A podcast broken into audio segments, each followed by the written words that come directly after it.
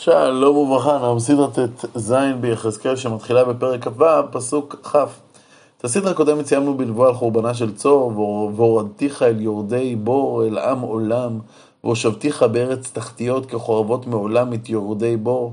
כלומר, הורדתי אותך לארצות המוות, למען לא תשבי.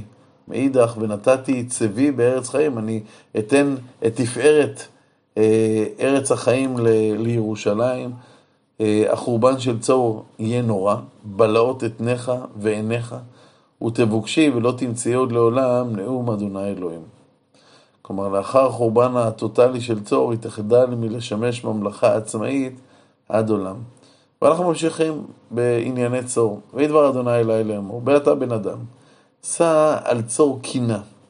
צור, כמו שאתם יודעים, היה, הייתה עיר שהתושבים הפיניקים שלו שלטו בנתיבי המסחר הימי. העולמי. כמו כן הם פיתחו תעשיות, כמו תעשיית הזכוכית ועוד תעשיות נוספות. בכל אופן, שא קינה, סע על צור קינה, ואמרת לצור יושבת על מבואות ים, רוכל את העמים, אליים רבים, כה אמר אדוני אלוהים, צור, את אמרת, אני כלילת יופי.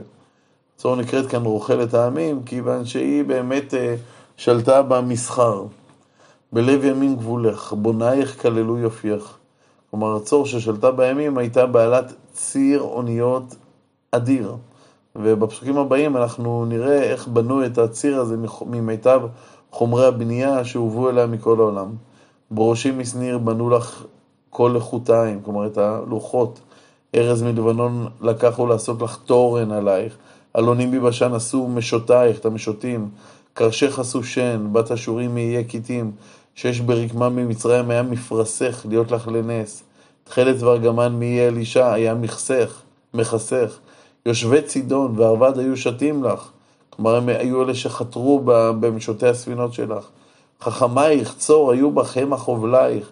זקני גבל וחכמיה היו בך מחזיקי בדקך. כלומר, הם עשו את התיקונים בספינות.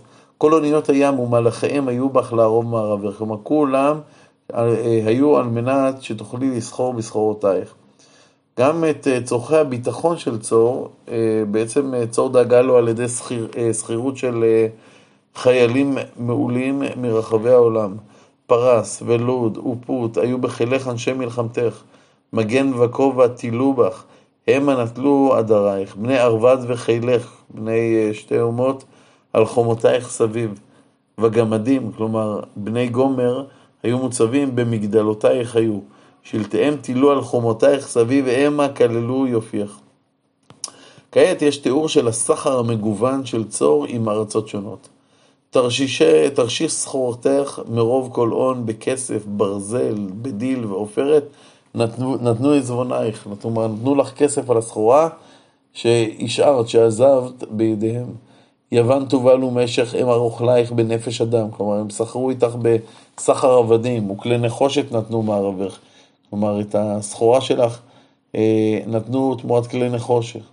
הוא ממשיך לתאר ענפי מסחר שונים שבהם עסקו הצידונים, למשל אה, את המסחר בסוסים פרדים הם, הם שהביאו מתורגמה, מארמניה של היום, מבית תורגמה סוסים פרשים ופרדים נתנו עזבונייך, בני דדן רוכלייך, איים רבים, סחורת ירדך, קרנות שן והבנים, שזה סוג של עץ שחור יקר, השיבו אשכרך, הביאו לך מנחה. הרם סחרו, סחרו עם צור באבנים טובות. הרם סחורתך מרוב מעשייך בנופך, ארגמן ורקמה ובוץ, ורמות וחדקות נתנו בעזבונייך. גם המסחר עם ארץ ישראל מופיע כאן. יהודה וארץ ישראל הם ארוכלייך בחיטי מינית, כלומר סוג של חיטים מעולות. ופנג מיני מאפה ודבש ושמן וצורי, שזה מסמני הקטורת, נתנו מערבך. דמשק סחוכרתך ברוב מעשייך מרוב קולון ביין חלבון, כלומר סוג של יין ממקום שנקרא חלבון, וצמר צחר, כלומר צמר לבן. ודן ויוון מאוזל בעזבונייך נתנו ברזל, עשות קידה וקנה במערבך היה. דדן רכולתך בבגדי חופש לרכבה, כלומר אם דדן היא שכרה בבגדי אנשים עשירים, חופשיים. הרב וכל נשיאי קדר, השבטים הרבים הם הסוחרי ידך בחרים ואילים ועתודים, כלומר בבהמות לשחיטה. גם בם סוחרייך, רוכלי שיבה ורעמה הם הרוכלייך, בראש כל בושם, בראש ובכל אבן יקרה וזהב נתנו עזבונייך.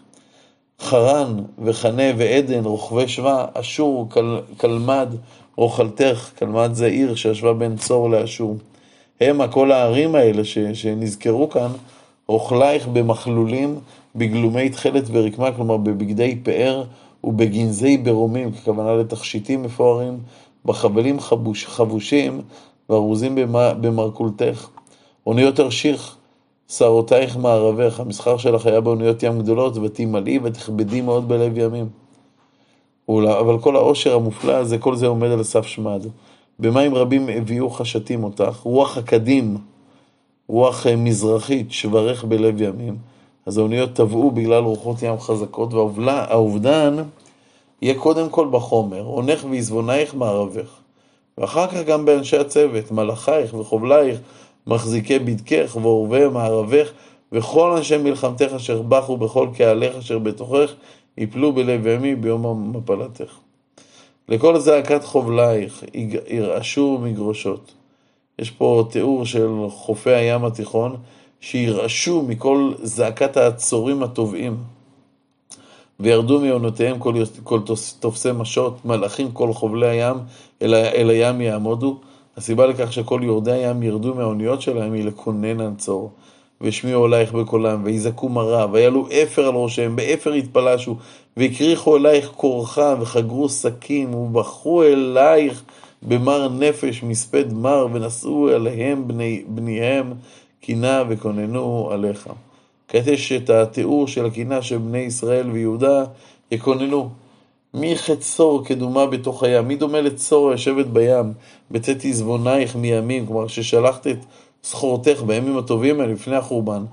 השבת עמים רבים ברוב עונייך ומערבייך, השארת מלכי העולם. כולם היו, כולם חיו מהמסחר שלך.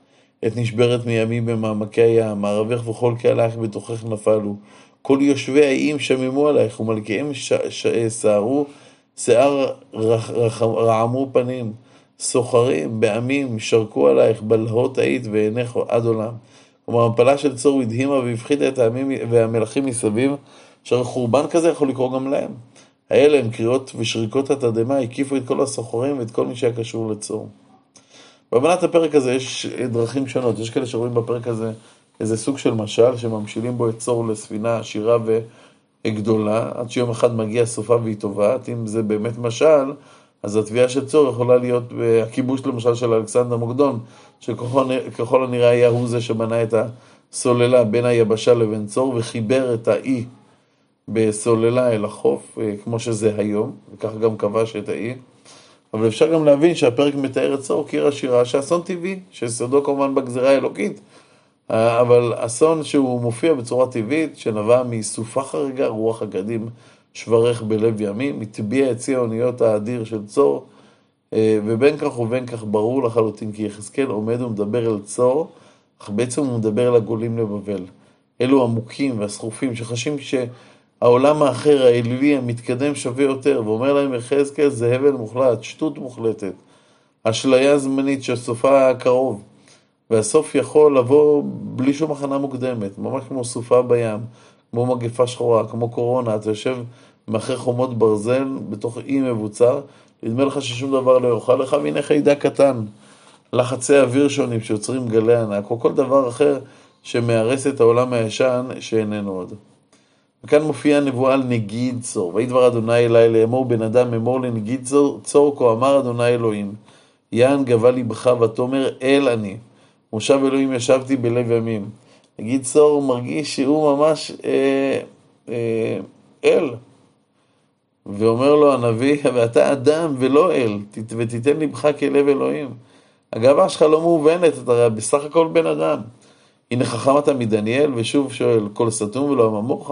כלומר, דניאל היה חכם עצום שלא נסתר ממנו דבר. שואל הנביא את מלך צור, למה אתה מתגאה? יש לך את חוכמת דניאל? לא. אמנם יש לך חוכמת מסחר, בחוכמתך ובתבונתך עשית לך חייל ואתה זהב הכסף באוצרותיך. ברוב חוכמתך, ברכילותיך, הרבית חיליך ויגבה לבבך בחיליך. אה, אבל החוכמה הזאת בעצם מובילה לגאווה, ולגאווה יש מחיר. לכן כה אמר אדוני אלוהים, יענתי איתך את לבבך כלב אלוהים. בגלל, חשב, בגלל שחשבת שאתה אלוהים, לכן הנני מביא עליך זרים, עריצי גויים, והריקו חרבותם על יפי חוכמתך, וחיללו יפתיך. כלומר, אני אביא לכאן אויבים שבכוח החרבות שלהם בעצם יחללו אותך, יפגעו בך. לשחת יורידוך, ומטה ממותי חלל בלב ימים. ואז שאסון יפגוש אותך, יאמור תאמר אלוהים אני לפני הורגך, האם אתה תבוא לזה שבא להרוג אותך ותאמר לו, היי, אני אל, ואתה אדם ולא אל ביד מחלליך. מותי ערלים תמות ביד זרים, כלומר, אתה תמות כאחרון בני אדם הפשוטים, כי אני דיברתי נאום אדוני אלוהים. עת נבואה על גדולתו, מפלתו וחטאו ומפלתו של מלך צור, אנחנו נקרא רק את ההתחלה של גדולתו של מלך צור. ויהי דבר אדוני אלי לאמור, בן אדם, שא קינה על מלך צור ואמרת לו, כה אמר אדוני אלוהים, אתה חותם תוכנית מלא חוכמה וכליל יופי. בן, בן אדם שלם, מלא בחוכמה, מלא ביופי. את ההמשך לנבואה הזאת נקרא, אם ירצה השם, בסדרה הבאה. עד כאן, יום טוב.